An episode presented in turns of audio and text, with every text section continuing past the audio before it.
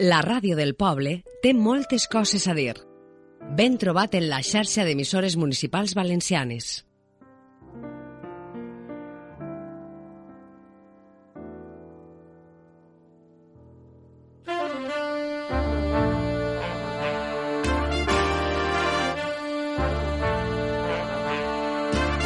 Així comença La Represa, un programa de debat, de diàleg, de reflexió i d'introspecció.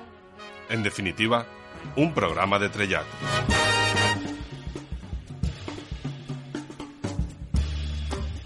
Bon dia de vespre, amigues, amics, i benvinguts una volta més a La Represa, un programa de trellat. Com acostumem a dir, els nostres programes sempre són molt especials perquè així ho són els nostres convidats i una setmana més vos hem portat a un convidat en molt de trellat. Hola, bon dia. Soc Lluís Fornés i Pérez Costa. Lluís el Sifoner.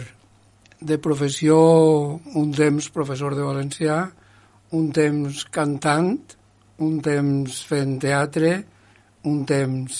un temps... Vaig néixer el 12 d'octubre de l'any 1900, no recordo quan, i, i estic així per a passar un, un temps en la vostra ràdio, encantat de la vida. Molt bé, Lluís, moltíssimes gràcies per haver resposta a la crida del nostre programa. L'any sí que el tenim, eh? Està, ah! Es pot consultar en les Jo tinc 27 anys, jo, de número, jo sóc de lletres, només que tinc 27 anys, la resta ho poses tu. Doncs mira, ja que dius 27, crec que fon els 27 anys, no? 1973, quan, crec que és l'any, o sigui, no estic segur, però els 1973 quan comença aquella formació que es deia Crit i Cant. Crit i Cant, sí. sí però jo és que vaig començar Eh, jo vaig entrar a la... Jo de, al principi, els anys, eh, uns anys abans, me vaig anar a Madrid i, i després d'estar un any a Barcelona vaig estar per fora. I eh, el 73 jo volia entrar a la universitat perquè, bueno, tot això em vaig anar a Madrid treballant i a Barcelona també. De Barcelona vaig haver de tornar a Madrid perquè m'havia quedat...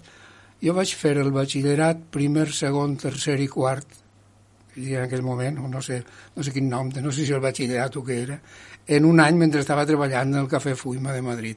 Jo vaig estar un any a Barcelona, el segon any vaig fer el superior, que es dia quint i sext, vaig estar a Barcelona i vaig tornar, que m'havia quedat una assignatura, total que en dos anys vaig fer el, la cosa, les, els estudis aquells. I començava a València psicologia, per primer any la psicologia, vaig, doncs vaig estudiar psicologia. Sempre dic que perquè jo em trobava raret, i dia, a veure això, a veure si estudiant psicologia m'aclarís que això... I va arribar un dia que vaig dir, ui, que bé, ara ja ho tinc clar. Els rarets són tots estos que hi ha davant i el normal sóc jo.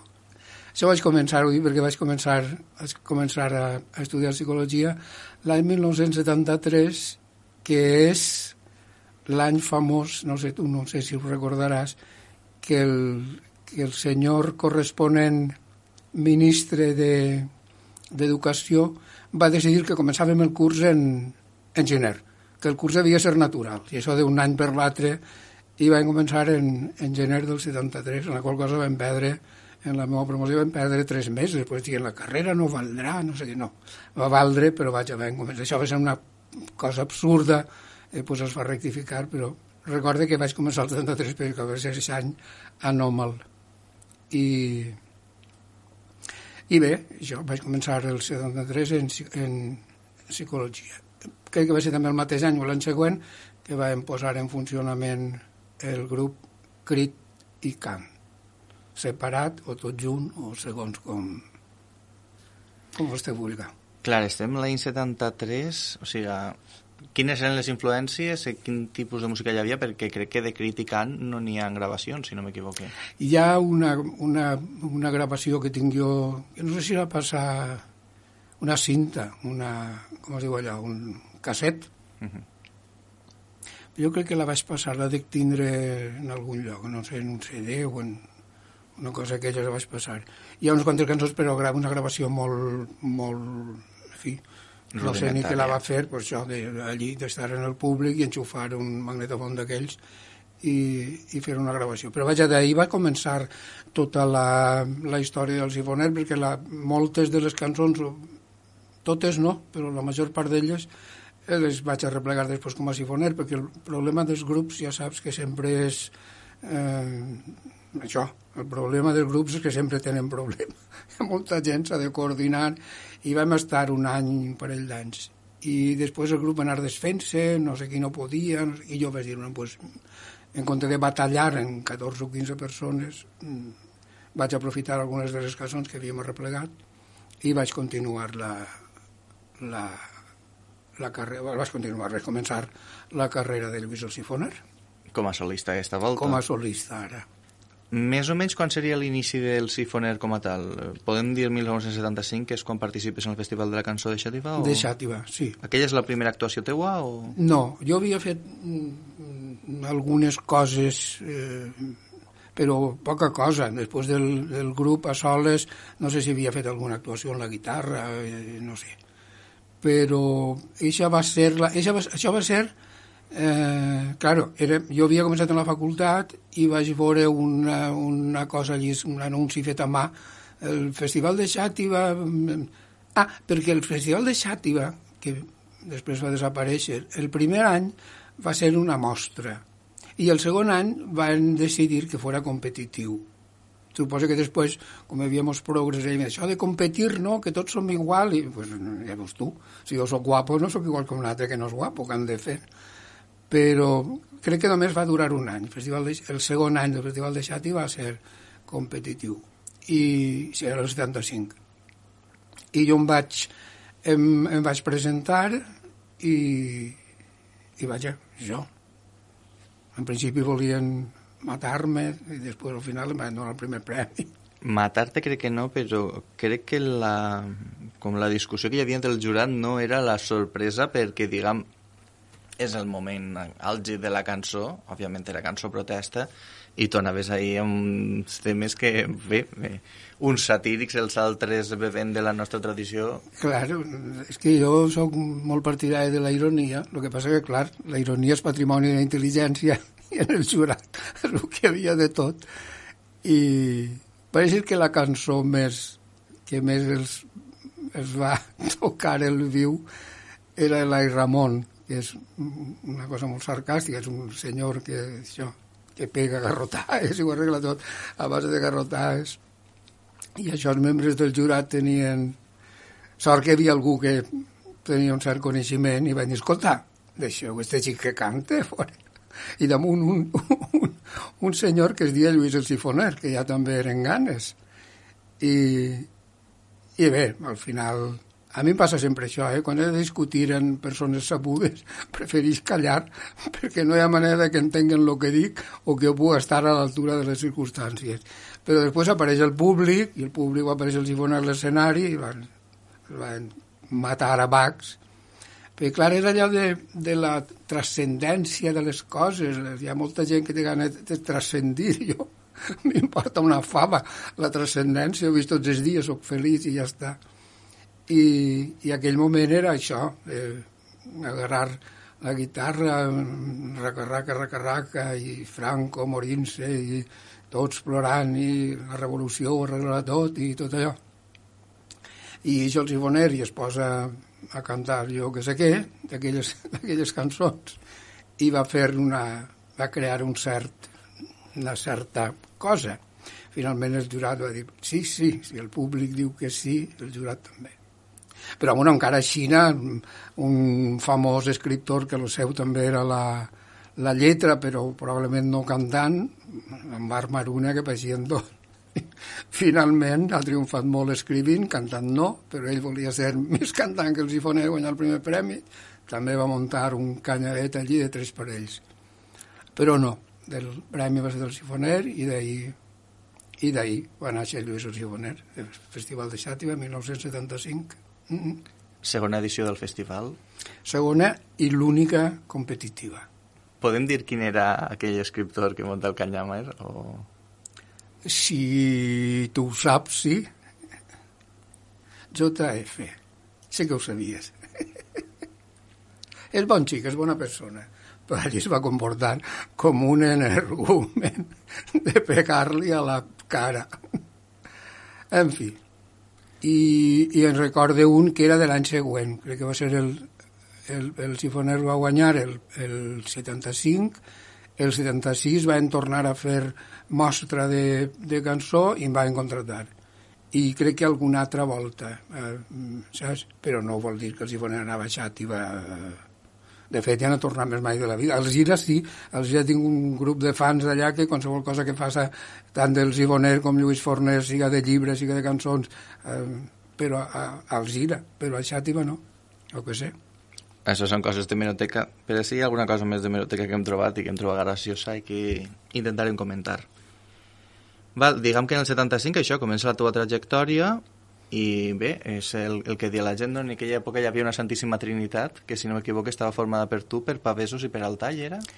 Sí, eh, a veure, les trinitats d'aquell moment que va arrencar la transició eren els que donaven la doctrina eh, Fuster, Estellers i Sánchez Warner. Això era lo més plus. I després el braç armat, i sempre recitava de la mateixa manera, era el tall, pavesos i sifoner.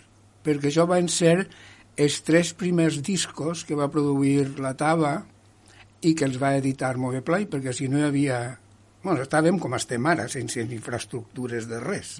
Així no hem tingut mai infraestructures ni iniciatives de, de tindre poder d'alguna cosa. En aquell moment no n'hi havia, després va intentar Tabalet, el segon disc del Sifoner ja es va gravar a Tabalet, la, per primera volta. Jo vaig veure el que era una taula de gravació normal, perquè el primer disc el van gravar, el van gravar al seminari de Montcà en, no recordo mai si són quatre pistes o vuit pistes, devien ser vuit pistes, però a mi sempre m'he quatre pistes.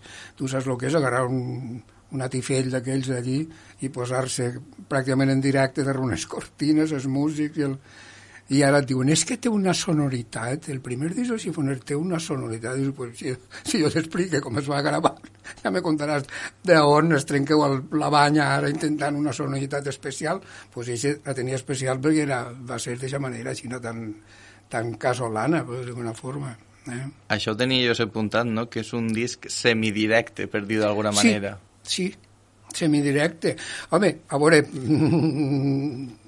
per no dir directe, perquè, perquè jo em vaig enterar que després es podria gravar un canal i un altre, i això en el següent disc del Sifoner en Tabalet, que dic, però si entrava no sé què, però ja no sé quant, però això era un semidirecte per dir alguna cosa, saps?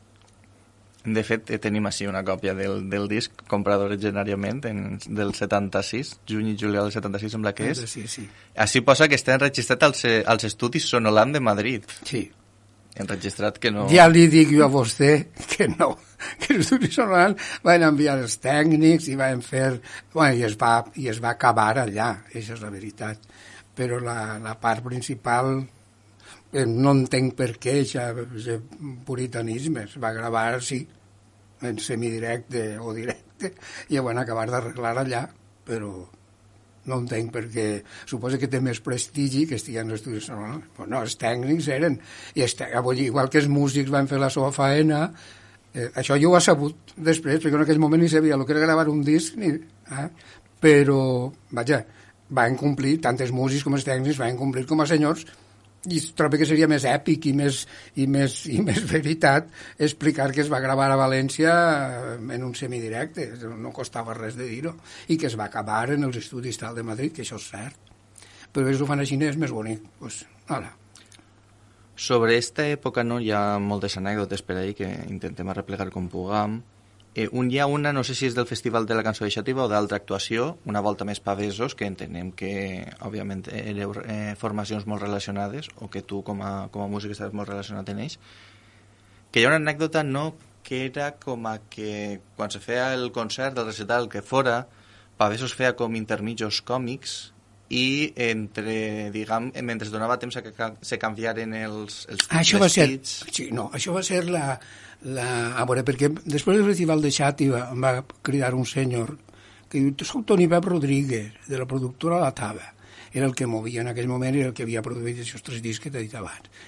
Eh, mira, que tu podries, tu podries fer una actuació eh, no, a Gandia, en Quico Pi de la Serra, uh, jo vaig dir, home, sí, quin dia és? I va ser el mateix dia que Franco estava morint, no sé què, no sabia, no s'havia mort, i no la van suspeníem, no la van suspendre, no sé què. Tot el que hi vaig començar jo, diguem-ne, la carrera més professional. I en aquell moment estaven muntant la infanta Tellina i el rei Matarot pavesos en el Micalet. I ja mm, es van posar en contacte amb mi perquè la primera part feien la infanta Tellina, l'obra del pare Moret, va dir el rei Matarot, que per cert la infanta Tillina la vaig conèixer allí, que era, la feien per Ferrer, i, i després van acabar, porten 40 anys junts, i, i, i fíjate tu. També pues volia això. preguntar això. Eh, sí, sí, sí, pues mira, ja t'ho conte. És que va tot junt. La idea va ser, eh, necessitem canviar-nos dels trajes d'època del pare Mulet, 18 crec que és, eh, i necessitem un temps i a veure ja com es cobrís i algú va dir, ai, pues, eh, eh, eh, el sifoner, que oi, un tio molt simpàtic que ha guanyat el festival de Xàtiva i tot això i em van, em van contractar i feia de feia d'entrepà feia el tros de sang el, el, el tros de, de, de pernil entre la infanta de el rei Matarot i el xocolateatre que li diuen a l'espectacle. Després ells eixien i, i, i cantaven els pavesos i, i el sifoner va aprofitar per a, per estar entre la infanta Tinya i el rei Matarot i el- l'espectacle Pavesos. Se l'enduia el sifoner, saps? Pues quan eixia Pavesos ja no calia que giren perquè el públic estava prou content. Diguem que en tota la teva trajectòria has enregistrat uns set discos, Sí. encara que, òbviament, ahir n'hi ha, diguem, l'intermís després... O sigui, hi ha un intermís de molts anys, també, pel mig i tal. A partir de Mm. 2014... 2012-14 fas la, la tornada. Mm. I, sobretot, el Tinc un mànec de tres pams i mig, tinc entès que ja va vendre moltíssim. Sí, el tinc un mànec, el, el productor diu que, la de, que anava, el Moviplay va declarar, clar que jo no sé això com es controla, ni, ni abans ni ara, va declarar eh, mm, més de 50.000 més de 50.000 discos, eh, 50 no sé quants, i el productor "Ei, tu, si en declaren 50 que hauran venut, no sé què, total, que no arribarà a 100.000, però la veritat és que sempre, sempre es diu que quan, quan sempre es diu, sempre referís jo que en aquell moment Julio Iglesias en tot el món venia a 200.000 discos. El primer disc del Sifoner sempre ha estat una casa per l'altra i dos seguides tenen el primer disc del Sifoner. Això és impepinable. El disc d'or no te l'han donat, no? No. A mi m'han donat poques coses. Després del Festival de Xàtic m'han donat el primer, després ja m'han donat poques coses. Han intentat donar-me disgustos, però tampoc me'ls donen. Jo no em deixe. Bé, però sí tenim cosetes, eh, tenim cosetes que més o menys, no sé si t'han donat, però que sí que has fet i, i tal. Eh, clar, el primer disc, que és un poc el repertori que ja anaves tu tocant pe, pels escenaris d'este país valencià nostre, Mm. I vaja, eh, pel que fa al, al, al repertori, doncs està clar que és la... és el sifoner 100%, no? I és can...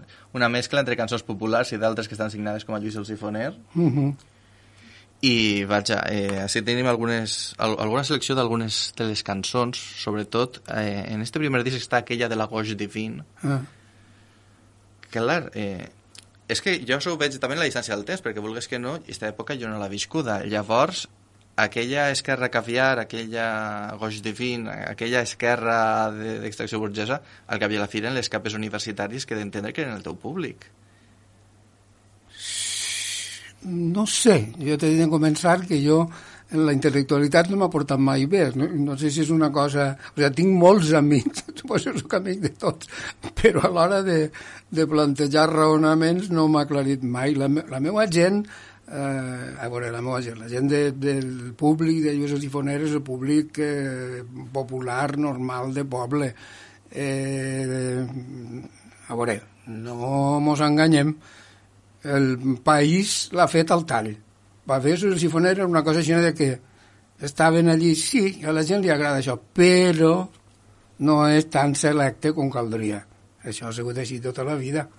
Eh? I això ha sigut una espècie de llufa que t'han col·locat a l'esquena o que tu ja buscaves eh, no ser de ningú? Ah, no, no, no, jo, jo, jo, jo sempre he fet mm, les coses que em venen al cap. És que a voltes diu, és que tu, a tu t'agrada provocar. A mi no m'agrada provocar. Jo és que sempre les coses, a veure, sense ofendre, a ningú, o intentant no ofendre, jo faig les coses que em venen al cap i que considere que, que he de fer i que són mm, la meva manera d'entendre el món.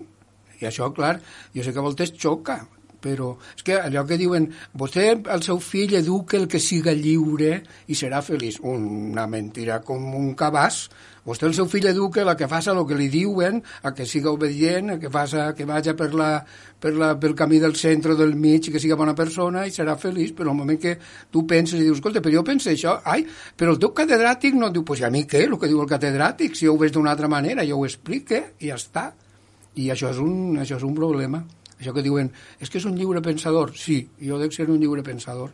Però això és molt fotut, eh? Au dir, per si vostè té fills, no, no això de l'educació en llibertat, no, pel camí que toca.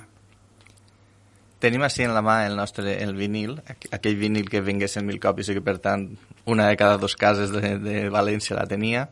I estic així llegint el pròleg que va deixar escrit Toni Mestre, eh, aquell referent radiofònic de tots els valencians, mm. i fa un poc dibuixa un poc la reflexió que estava vostè eh, dibuixant. Vostè la, eh, parlava del tall, el tall feu el país i pavesos i els sifoners feien altra cosa, i així el que diu és, s'ha dit de Raimon que és la veu d'un poble. Després continua parlant, però ja parlant del sifoner diu eh, que allò tan lluny era possible, que hi havia un camí, el nostre. Però quin era aquest camí? Com el retrobaríem? Molt senzill. Ens calia ser sincers, mirar-nos a l'espill de la nostra veritat i acceptar-nos sense complexos, sense tenir en compte models i modes pensats i fets junts d'ací. I això s'ha fet, ho estem fent, pas a pas als valencians, perquè hi ha una via valenciana, una manera valenciana d'entendre el món, i Lluís el Sifoner ens ho demostra en cadascuna de les seues cançons. Òbviament això continua, però està escrit en l'any 76. Mm. Era una declaració d'intencions, és el primer disc, podríem dir que... Sí, sí. Sí, sí. Home, en principi, Toni mm, Mesten tenia la, la dimensió del sifoner com, com poca gent, igual que la de, igual que la de Pavesos. Eh, de totes formes, al final tampoc entenia massa la, la postura del sifoner, la postura crítica en les coses que sempre he criticat. Però l'entenia algú al sifoner, o...? Sí, i si no, ho tinc igual, jo m'entenc jo ja he dit al principi que vaig començar a estudiar psicologia amb la idea d'entendre'm i finalment em vaig donar compte que jo era normal i que la resta del món anava pel seu compte. I a mi això no em preocupa gens. L'any 1980 tinc entès que per a tu com a, com a músic, per a vostè com a músic, degué de ser eh, l'any més actiu, no? Perquè crec que són dos discos, un en directe i un altre d'estudi. Uh -huh i a més tenim l'única participació en la història d'un músic en valencià al Festival de Benidorm. Que Benidorm. Sí.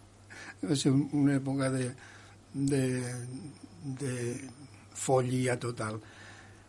El Festival de Benidorm, jo sempre dic que, que no sé què va passar, perquè quan van obrir la cosa que es podien presentar eh, lletres en valencià, vaig dir, ui, doncs és la meua.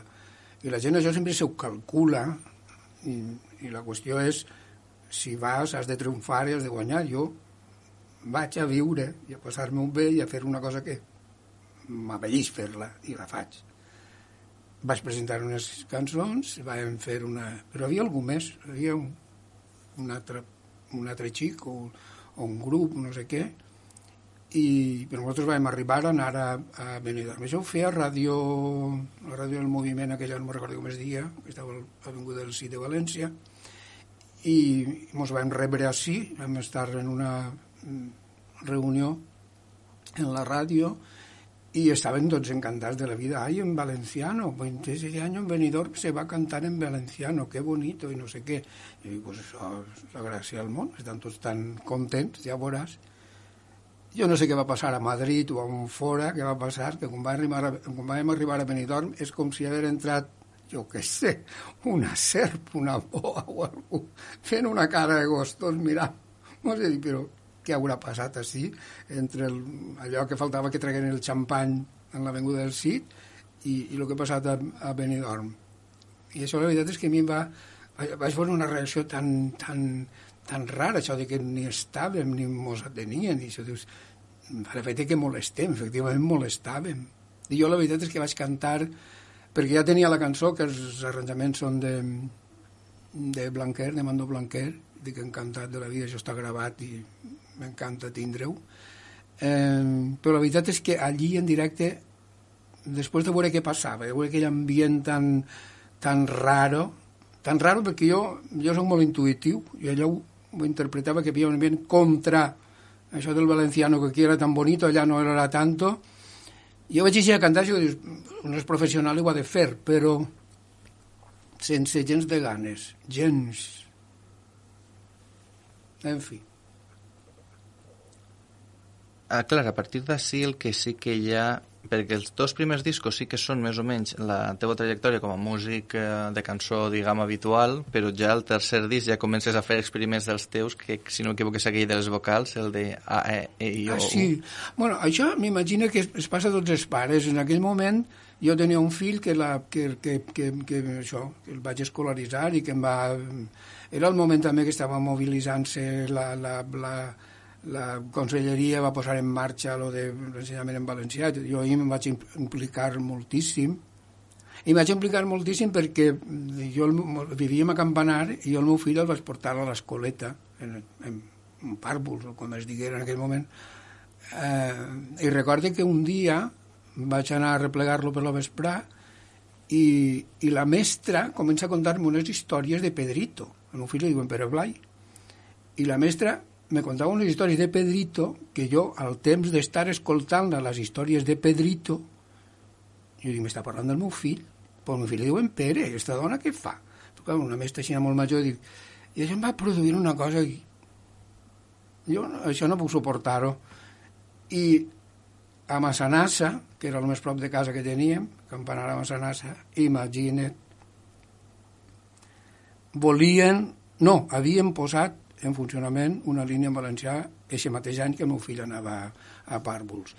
I doncs, l'any que ve a Massanassa vaig anar allí a parlar en, en, en els pares que ho havien posat en funcionament, Natcher, i, i l'any següent la meva dona i jo ara es queixen tots de les línies en castellano i les, les línies en valenciano que es molesten tant allà, jo què sé que sabrán ellos, que porque nuestros hijos, lo que sufrimos, pues lo que vaig patir jo de portar el meu fill una línia en valencià, de portar-lo tots els dies, o sa mare o jo, a Massanassa i tornar per la vespre. El segon any ja la conselleria ens va posar una furgoneta, anàvem 4 o 5, però pues, això va ser patir, però claro, jo que el meu fill, que diuen Pere, el convertiran en Pedrito, va repalant, eh? escolta, jo soc molt respectuós en tot, però també voldria que fossin respectuós amb mi, però aquella dona que simplement no ho entenia. Així que el vaig, el vaig portar allí i allí, vaig començar, i allí vam començar i allí vam presentar la coordinador d'alumnes, pares i professors per ensenyament en valencià. Això va ser tot a, a Massanassa. El meu primer espenta al, al tema va ser en Massanassa. I no sé si m'ha desviat de la pregunta. No, perquè estàvem parlant de- d'això, que un, un disc eh, tan eh, Ah, heterodox... era pel disc, sí, sí, pues efectivament. Vull dir, en tots aquests moments jo el que veia és que, clar, sobretot la gent, eh, alguns mestres també que, que, que venien del castellà, i, i, però eren molt d'estar per, la, per la labor i, i, i, i estar en les línies en valencià i tot això, eh, això de les obertes i les tancades a mi em fa una certa cosa. I em va vindre al cap per un disc de cançons infantils, en temes populars, no sé què, i el, i el A, E, E, I, O, O, U, que la veritat és que els mestres ho han, ho han aprofitat moltíssim, perquè sobretot els, bueno, els que són valencianoparlants ja saben que les cinc vocals tenen set sons, a diferència del castellà. Això sempre, referències al castellà sempre estan ahí. Pues, en castellà s'escriuen cinc i en valencià s'escriuen cinc, però tenen set sons. I, i, això va ser la cosa però passa amb més gent, em dono compte que quan tens fills la gent fa obres de teatre per a infantil o escriuen contes infantils i els fills es, es penten molt a, a produir per a d'ells. Clar, produir per a ells vol dir produir per, per a mig món, però vaja, va ser això, tinc un fill d'aixa edat que, per cert, el vaig fer cantar i, i canta molt bé, però després ja va dir que no, que ell, la seva vida no era ni cançó ni teatre. No hi havia vocació per allà. No. Un altre de, dels discos estranys és aquell, eh, no sé si definir-lo d'Italo Disco o de València Disco, eh, aquell que feres que eren tot cançons populars però en un fons així na- de música electrònica. Ah, el Calla Dimoni. Calla Dimoni. El Calla Dimoni. Sí, això va ser un, no sé com es deia en aquell moment, maxi single, trobo que li diuen. No sé si són 20 minuts per cada costat. 20 minuts, 3 eh, per 4, l'altre més, eh, pla, dos, discoteca. I, i això no sé, no sé per què ho vaig fer, suposo que perquè estava recopilant temes i vaig dir, això què li podria donar? Pues, estic pensant ara, seguint la pregunta, que és que em va encridar alguna discoteca. Em recordo que per Gandia una, no sé, un parell de... i per Benissa una altra, trobo. Jo he estat en dos o tres discoteques. Jo diria, però jo que el sifoner de la recent casadeta i tinc un altres pagimís que fan una discoteca.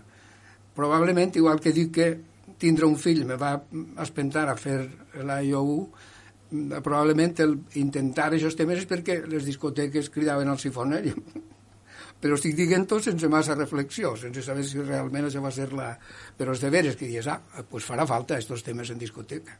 I el president Albinyara diu que ell se'n recorda molt d'aquest disco, que li agradava molt, que era molt de discoteca i molt de sifoner. No està gens malament. Pues sí, que mira. I diguem, això arriba... Aquest disc ja serà del 80-81, no tinc així apuntades les dades de tots els discos, i a partir del 82 el que sí que ocorre és que és com si feres una aturada, com si... És que a partir del 80, 80 no sé què, eh, allò de la cançó va començar a, a decaure. Eh, els polítics que usaven molt la cançó per a fer recitals en els seus pobles, etc etc. va arribar un moment que ja no necessitaven tindre cançó, que més bé, potser la cançó molestava perquè algun grup cantava allò de que vinga la llum i el senyor alcalde que li donen d'allò, dic jo si seria això o què, però la veritat és que va, va començar a decaure el, el, les, les peticions d'això i, vaja, per una altra banda a mi em va dir un, un amic, escolta, tu per què no et presentes a les oposicions de, del professorat de València? Què fa? Jo, jo cante. I em va dir, tu cantes? tu cantes quan cantes, fan, fan falta professor de valencià, fes el favor de presentar-te, vull dir que potser no recordes exactament els anys, però vull dir que jo també eh, va haver un moment que jo vaig dir, pues home, té, home, té més coneixement que jo i té raó, jo toca fer unes oposicions i aprofitar la carrera per a, per a fer classe de valencià i, i tindre, més allà de l'art, tindre un modus vivendi de diari. Clar, suposa que entre que la cançó mm, anava decaent i, i jo vaig agarrar una altra via professional, doncs això. Així tinc eh, uns testimonis de públics de l'època, pot ser no, no siga veritat el que diuen, no? però diguem en aquell moment se va... Estem parlant de molt abans de, de la mort del sifoner, que és un altre tema del que parlarem, se va arribar a, a, a especular no? que, que, que havia ocorregut amb el sifoner no? per aquesta desaparició dels escenaris eh, tan sobtada a partir dels 80 fins i tot n'hi hagué gent que, que va dir que estaves intentant intel·lectualitzar-te per a no acabar sent el Manolo Escobar de la cançó valenciana. Que mania no? El Manolo Escobar. Això és d'una senyora, d'una amiga que va inventar lo del Manolo Escobar i va fer famós no, vaja, la tirada popular sí que l'ha sí que l'ha tinguda sempre, però vaja, des del primer disc es veu que el sifoner no és Manolo Escobar.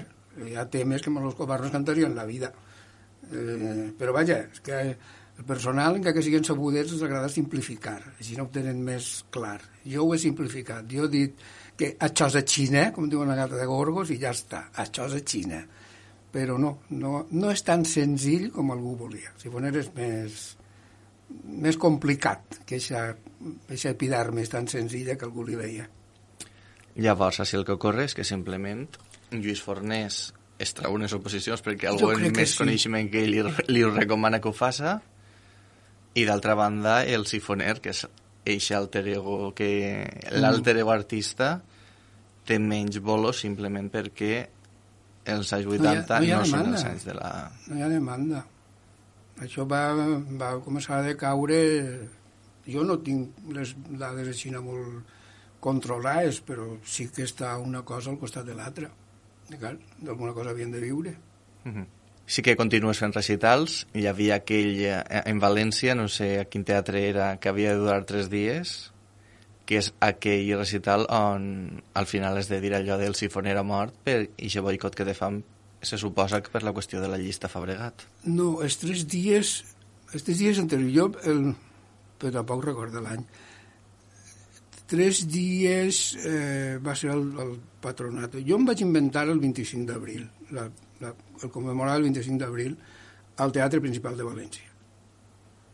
I, i jo en el Seu Climent no m'ha portat mai bé, o el Seu Climent, el Seu Climent diu que és amic meu.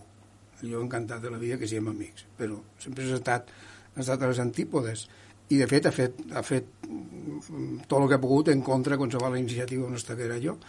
Una d'elles el 25 d'abril. El primer any va ser al teatre principal i va quedar pues, estupendo, el 25 d'abril al principal, ja veus tu, jo li dia dia de resistència nacional. Jo he arribat un moment que ni vull ser nacionalista ni llista de res, ja, ja renuncia a tots els llistes.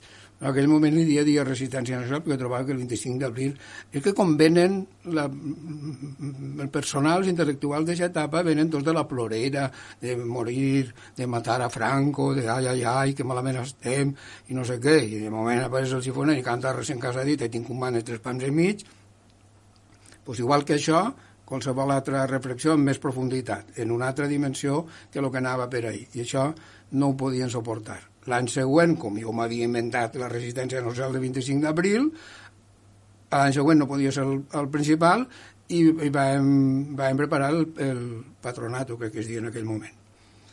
I tres dies per celebrar el 25 d'abril, perquè era més xicotet i com l'any anterior havia sigut un èxit, doncs estarem tres dies celebrant el 25 d'abril en el patronato. Què va fer l'Eliseu Climent?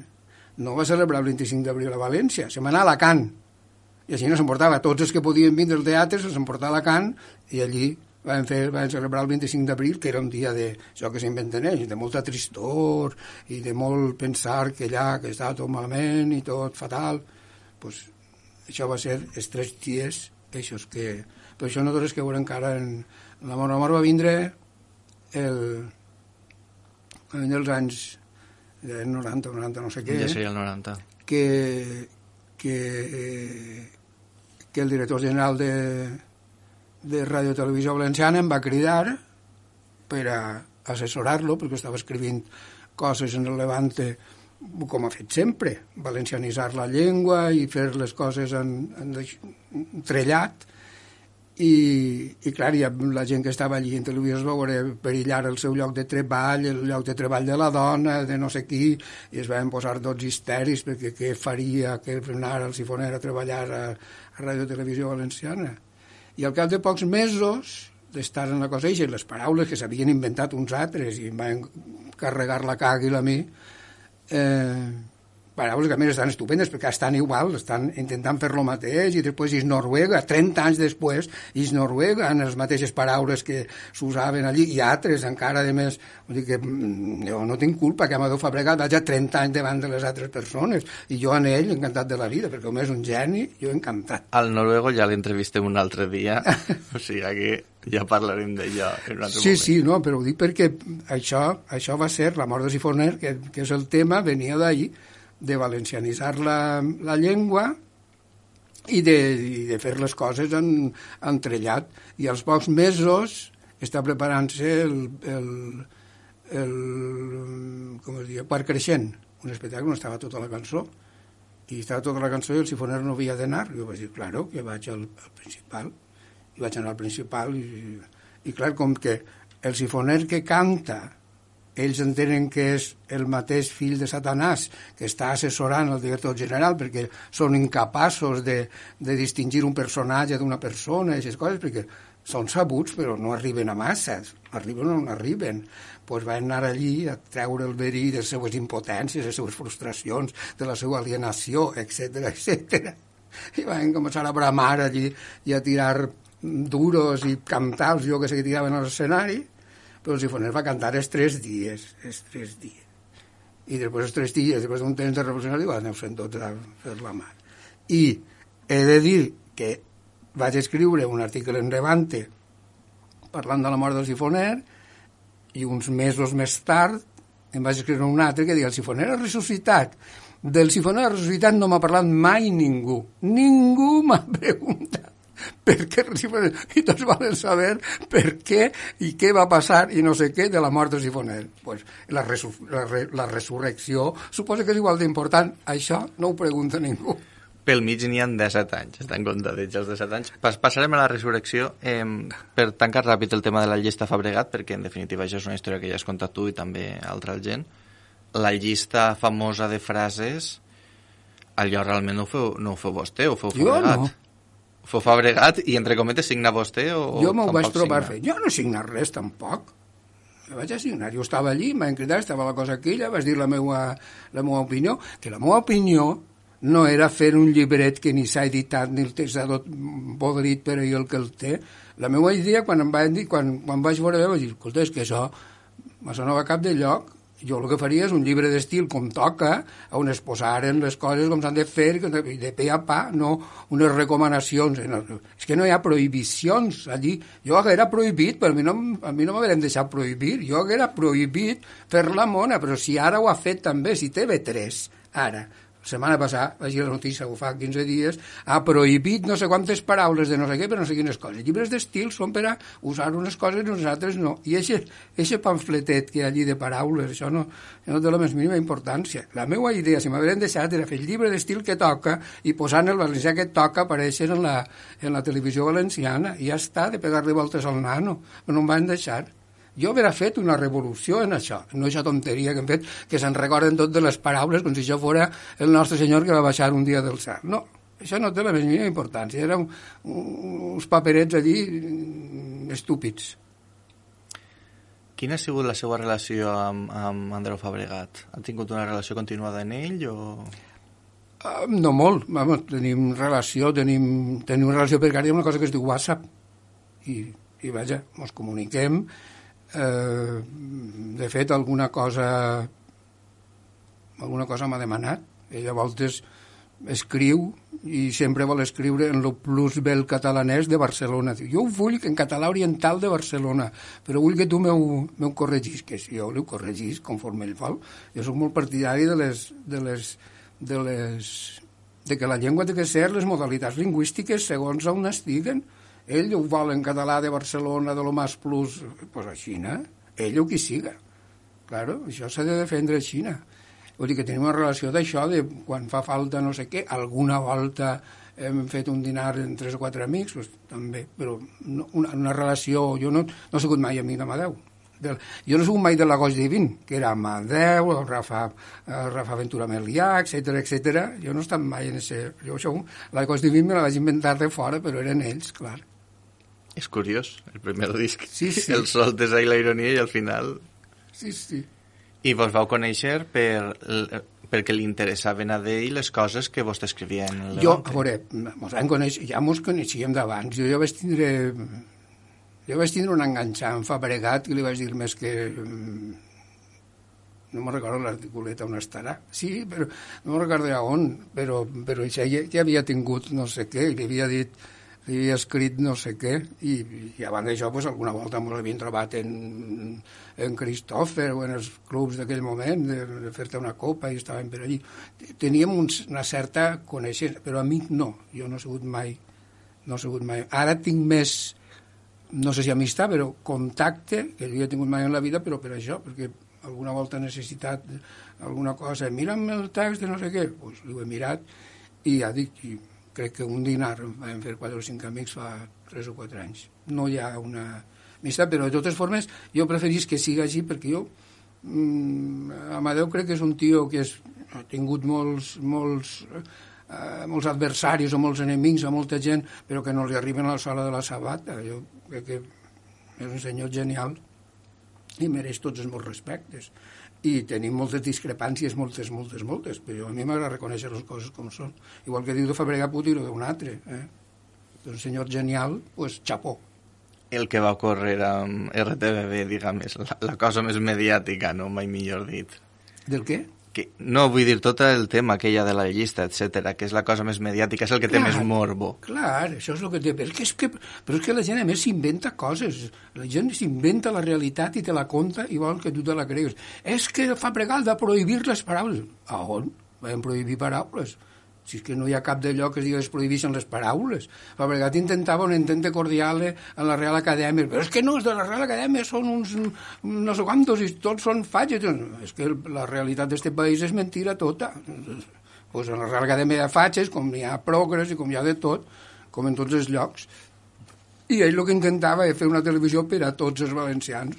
Els polítics, quan manen, diuen que manen per a tots. Pues, home, quan tens una televisió, encara de que ser més per a tots, no pot ser una televisió elitista, com han intentat en algun moment, i a les nou i mitja posar-te una televisió un programa de llibres, on es parla, això és el més important, que la gent sàpiga, el llibre s'ha de posar en prime time. Escolta, per l'amor de Déu, aquestes coses no es fan. Una miqueta de, una miqueta de, jo què sé, igual que un quan va a la platja no es posa un, tra un, un traje i una corbata, es posa un banyador, pues, jo què sé, hem d'estar a l'altura de circumstàncies. Tu fas una televisió, pues has de saber com funcionen les televisions i has de saber quina llengua s'ha d'emprar i quins programes has de tindre quan tota la gent està mirant-la. No pots posar, no pots posar un recital de poemes a les nou i mitja de la nit. Aquest és el problema nostre. Vostè en RTBB, diguem, a banda de l'assessorament lingüístic a Fabregat en aquell moment puntual, sí que ha fet més coses, no? Crec que sí que té experiència fent guions audiovisuals i en algunes produccions. Sí, perquè, perquè jo he treballat en algun moment en Rodolf Cirera, en una sèrie que necessitaven que necessitaven guió. Hi havia cinc o sis guionistes per fer un... I, i Cirera em va dir si jo volia fer. És que jo el que veig és que tu, eh, com diu ell, és que tu parles, no, tu dialogues molt bé, els diàlegs te'ls treus molt bé del... Clar, jo el que vull que és... I vaig estar, vaig estar treballant en això mm, dos sèries, trobo que vaig fer en, Rodolf Cirera i Josep, i Josep Lluís.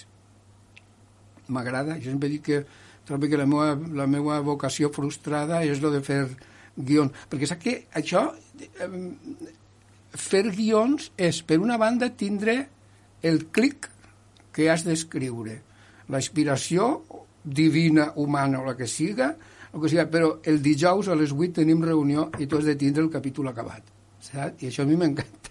El tindre, el jugar entre la creativitat i l'obligació de... No és això de, ai, a veure si m'invento el poema genial i es poden passar tres anys baix d'un arbre buscant a veure com el poema genial. No, no.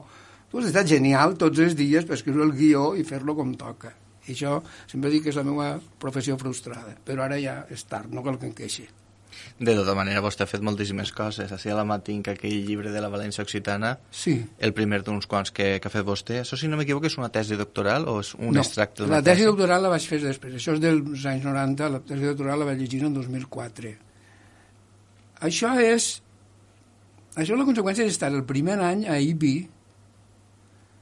que hi havia un dels professors d'IBI que donava, a més no tenia res que veure amb les lletres, donava eh, ciències, no sé quina rama de ciències, eh, i em va dir, escolta, que fan, eh, era el primer congrés de la llengua catalana, el primer o el segon, segon, no me'n recordo.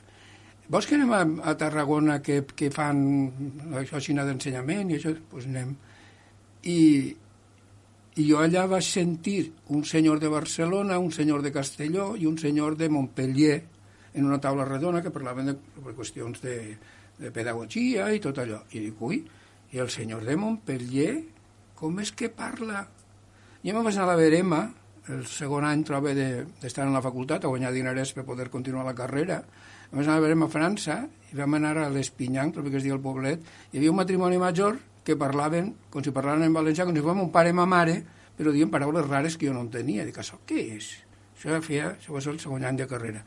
I després, quan vaig anar a la cosa esta del Congrés de Catalana, que estava el senyor aquell, vaig dir, ai, esto me parla allò que parlava el matrimoni aquell que ens va enllogar per a fer la verema allà, però això què és? I ahir vaig començar a... I este xic, que estava de company meu en...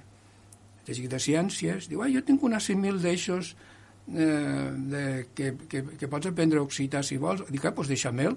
I ahir vaig començar a pegar-li voltes al nano i vaig començar a descobrir tota una cultura i dius, oh, i això perquè m'ho han amagat, perquè tots conten que, que el que passa allà a mitja França això no existeix, ni és... Així que passa, ahí, el truco de l'almendruco estava ahí. Això és la gran cosa amagada, jo vaig dir, no, això s'ha de treure, perquè els valencians no ens aclarirem mai si no entenem tot aquest món, que em dic, això no existeix, és que cultura occitana sí, sí que existeix, sí que existeix. I vaig començar en la València Occitana i he, començat, he continuat investigant i vaig acabar la tesi doctoral que, que, que es diu el pensament panoccitanista des de 1904 a 2004. Sobre este primer llibre, la veritat és que després de llegir-lo, la, la pregunta que jo tenia escrita era quina és la tesi del llibre, no? Perquè Vem així una, vull dir, un, una sèrie d'argumentacions que estan prou ben filades i tal, però diguem que no ho sé, la, la meva impressió al llegir-ho és més de, en plan, mi, vegeu això que he descobert que, que, que cap altra cosa. Sí, sí, sí, però si és que jo mateix em trobava, em trobava no sé, si no em trobo encara, més a soles que la una en un tema que dius, però si això és, això és fonamental, això és cap dalt, això és...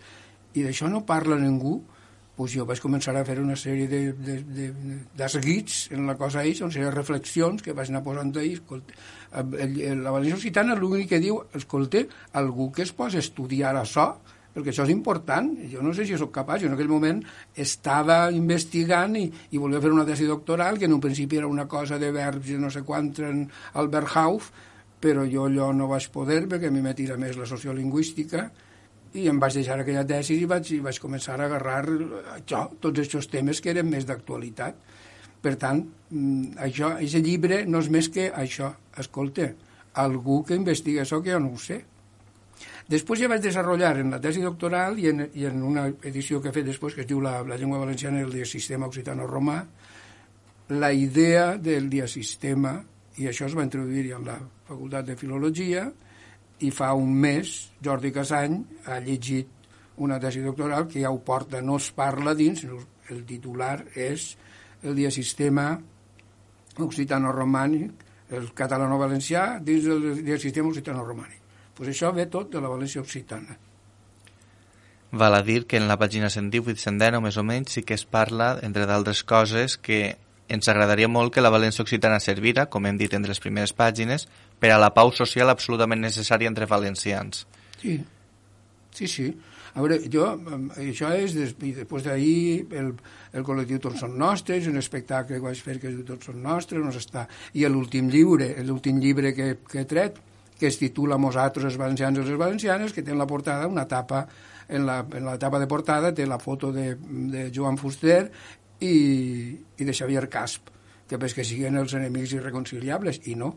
Jo estic absolutament convençut que el problema dels valencians és haver tallat la llengua en dos i decidir que de Pirineus a Vall es dia català i punt. Això és una cosa que no posa mai damunt la taula, ni Fuster ni Casp. Casp ni per Asomo.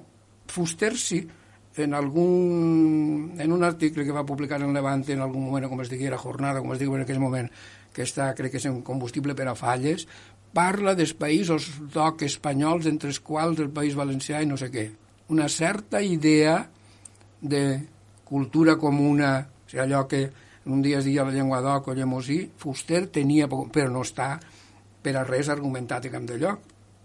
I la brega entre Fuster i Casp, la brega entre catalanistes i anticatalanistes, com es vulgui dir en aquest moment, ve de la pèrdua d'aquesta consciència general de que la llengua, sí que el sistema lingüístic va des del nord de Llemolles al sud d'Alacant. Si això no s'entén a Xina, no s'entén res. I això comença en les investigacions d'eixa, en la València Occitana i en la meva tesis, i etc etc. I per què creu vostè que aquesta és la causa del, del conflicte sobre, el, sobre les essències del valencià i no cap altre? Perquè és que no, té una altra, no, no hi ha una altra explicació Continuem barallant-nos i queda clar que els blaveros són els ruïns i els catalanistes són els bons. I és al revés.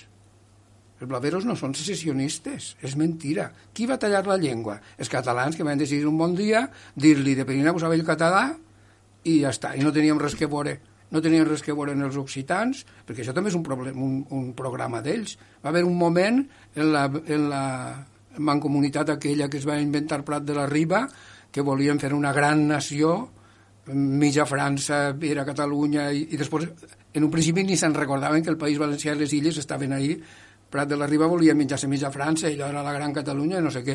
Després ve per cavall també, ah, doncs més gran, estupendo, i ja s'apunten tots. I els països d'OC era la gran solució. I arriba un moment, 1974, que Fabra diu això no val per a res.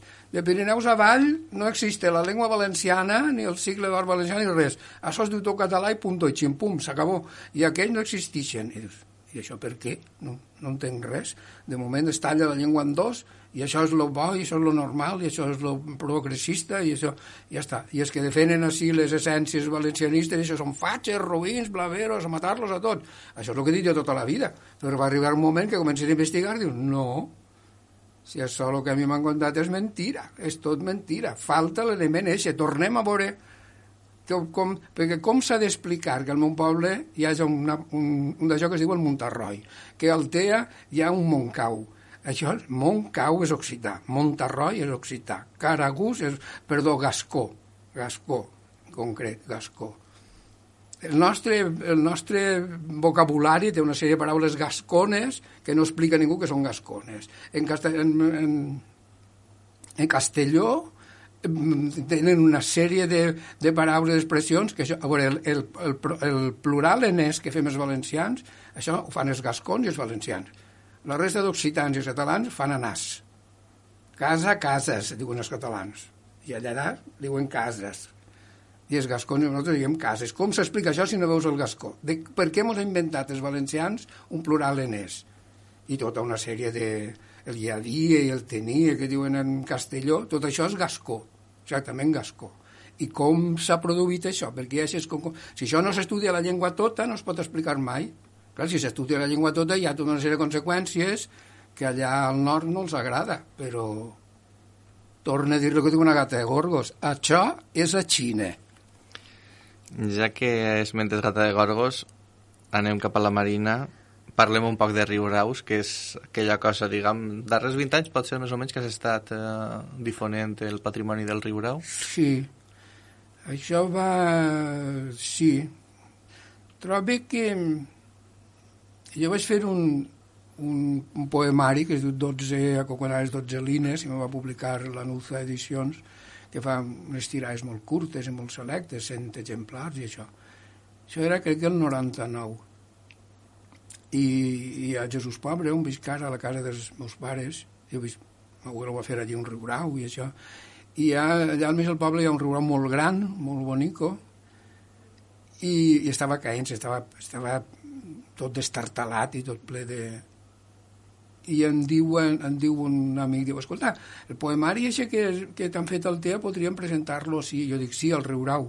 Diu, al Riurau mos caurà damunt. Dic, pues és igual. Va ser la primera reivindicació de que el Riurau era un lloc que podia fer cultura. De fet, ara s'ha recuperat, l'han arreglat, hi ha mercat tots els diumenges i és un, en fi, com el centre del poble, la gran meravella. Això va començar i després, tres o quatre anys després, no recordo quin any, vaig escriure un llibre íntegrament parlant de Riuraus, que es diu Riuraus Valencians, edificis únics al món.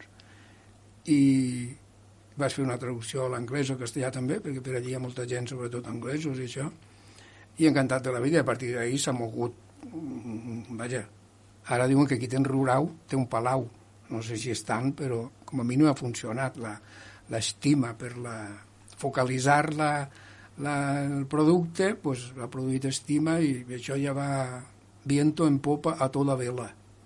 Me n'acabo d'adonar que en l'entrevista li havia promès que parlaríem de la resurrecció del sifoner, que és la cosa per la qual ningú li pregunta mai, i que no ho hem fet. Sé que és l'any 2012, sé que fona Jesús Pobre, i sé que foren per motiu d'unes festes, si no m'equivoco. Sí, sí, sí. Bé, jo és que, clar, va arribar un moment que, que, que et criden per a cantar i dius, ai, ara comença altra volta a reunir músics i fer això, i músics, jo si, estava encantats, els músics han tocat a mi si es crida ara, perquè clar, tots un és metge, eh, l'altre no sé què, i estan encantats de que es crides per a... Voleu que ho intentem? Sí, doncs pues ala, anem a intentar-ho. I per què no? Ai, doncs pues no s'havia mort, doncs pues, pues ressuscita, no passa res i fet, bueno, fet, després, en, després de fer algunes actuacions he fet el disc Cançons al Riurau, que el van gravar en directe eh, per això això va ser una espècie de semidirecte que van gravar a, allà a la Marina Baixa a la Nucia, en la banda de la Nucia en arranjaments de, de Ximo Cano i Ximo Guardiola va fer una gravació que també se la va jugar tot allí i, I vaig tindre la gran sort en el Riurau, que m'havia encarregat de salvar, que això eren 4 o 5 anys més tard d'haver salvat el Riurau des dels primers moments que hi havia, que, que van començar a fer mercat, que encara es fa tots els diumenges. I un dia entré jo per una banda del Riurau i per l'altra venia Forges, que té una casa allí. Y diu, oye, que me han dicho que vas a hacer un disco de Riuraus. Eh, sí, ¿por qué lo dices? Dice, ¿y por qué no me has pedido que yo te haga la portada? Digo, hombre, porque tú eres Forges, yo cómo voy a pedirte a ti que me hagas una portada de un, una cosita ahí, de un CD que voy a hacer. Ah, bueno, pues tú, pues tu veràs. Total, que continuem xerrant, no sé, quan hem anat cap casa penso, dius, a veure, Lluís, tu una carabassa. Forges diu que vol fer-te la portada d'un disc. I tu li dius que no, però això què vol dir? Total, que vaig dir, oye, ¿cómo está esto? Si quieres... Ah, bueno, pues yo sí, miraré algo, no sé què. Que va fer una portada estupenda en un sifoner allí volant en, en un sifó en la mà i, i vaja, això va ser un primer disc. I després encara l'any passat em vaig treure un altre perquè jo, clar, sempre ho ajunte, les, les, sempre no, però moltes coses les ajunte, les troballes que vaig fent les ajunte en, en la meva activitat musical. I, i l'última experiència, i se posa, que ja no és la darrera, trobo que és l'última experiència, ja estic fart, ja no faig més discos ni res, és un llibre disc que va recuperar l'artesania de, de la comarca, que són les barxes, que són los capazos, esos de ir a comprar, que, que nosaltres sempre hem dit, el capaz és una cosa per anar a portar renda i les barxes són això que van al mercat a comprar i això. Ah, això que té vostè així davant, això és una barxa. I total, que hem recuperat, es creat també la, una escola taller de, de recuperació de fer llata i fer barxes i això. I, i he fet ja l'últim treball és un llibre disc recopilant l'experiència de l'escola i un poc quatre idees que hi ha per ahir sobre les barges i, i unes quantes cançons. Mm. La primera de les quals era demanar un monument a les barxeres, que són les dones que ens han salvat de la... sobretot per ma mare, que sé que feia barxes tota la setmana, i el dissabte anaven a la botiga i canviaven les barxes, estic parlant de, de la postguerra, canviaven les barxes per cigrons i arròs i tot això, i d'això podíem viure. Tota aquella comarca s'ha salvat fent barges. I jo tot això ho he recopilat en unes quantes cançons que parlen d'això, i una d'elles és fer un monument, a les, una espècie de rap, fer un monument a les barxeres, que vas demanar fa un any i mig, una cosa xina, i a desembre inaugurarem el monument a les barxeres. En la vida mai m'havia fet un projecte que m'hi tan redó com això. El Jere Cervero, que és un, un artista estupendo, que viu per allà per Castelló, és de Faura, viu per Castelló, farà, ja té feta, una barxera al sant, una barxa en alt, i ho dic perquè queden vostès convidats el 14 de juliol a vindre a Pedreguer a veure la inauguració de la, del monument. Prenem nota. Per, per finalitzar una coseta, sobre el tema de, del... Anem arrere. El, el, eh, el disc Som, si no m'equivoco, això està enregistrat en una plec que és un dels aplecs del 25 d'abril, no? Dels... El 25 d'abril. Aquell fon, el de Som, que és el 81, és el de Castelló, pot ser? O... No, no, la plec de, de, de Xàtiva. El Som és... De... Però això també és un semidirecte, perquè el directe tampoc va així, està molt... Després es va haver de retocar en estudi i, i això. La meva vida està plena de semidirectes, la veritat és que mm -hmm. jo crec que tots, tots els, la gran part de tots són semidirectes. I això va ser la celebració del 25 d'abril a, a Xàtiva, que vaig aprofitar per a, per a això. Diu Fred Xina, que és el millor disc del sifoner. Jo sempre dic que si ho diu ell que és sabut, deu ser així. Sabut és, això, però, no, no li ho anem a discutir però mal. Però no sé jo, no sé jo. Que també és el disc que té la cançó aquella dels nous valencians. Ah, els nous Ah, sí, sí, sí, sí. sí. Valencians d'Andalusia, de Castella o d'Aragó. Sí, jo és que m'agrada agranar poc a casa. Tots són nostres. Bé, Lluís, jo crec que ens hem menjat el temps, Estem... resulta evident que sí, o sigui que bé, una, una abraçada molt forta, moltíssimes gràcies per haver resposta a la crida del nostre programa i nosaltres també te convidem a que tens la porta oberta per tornar sempre que vulguis. Moltes gràcies, el que faci falta sempre.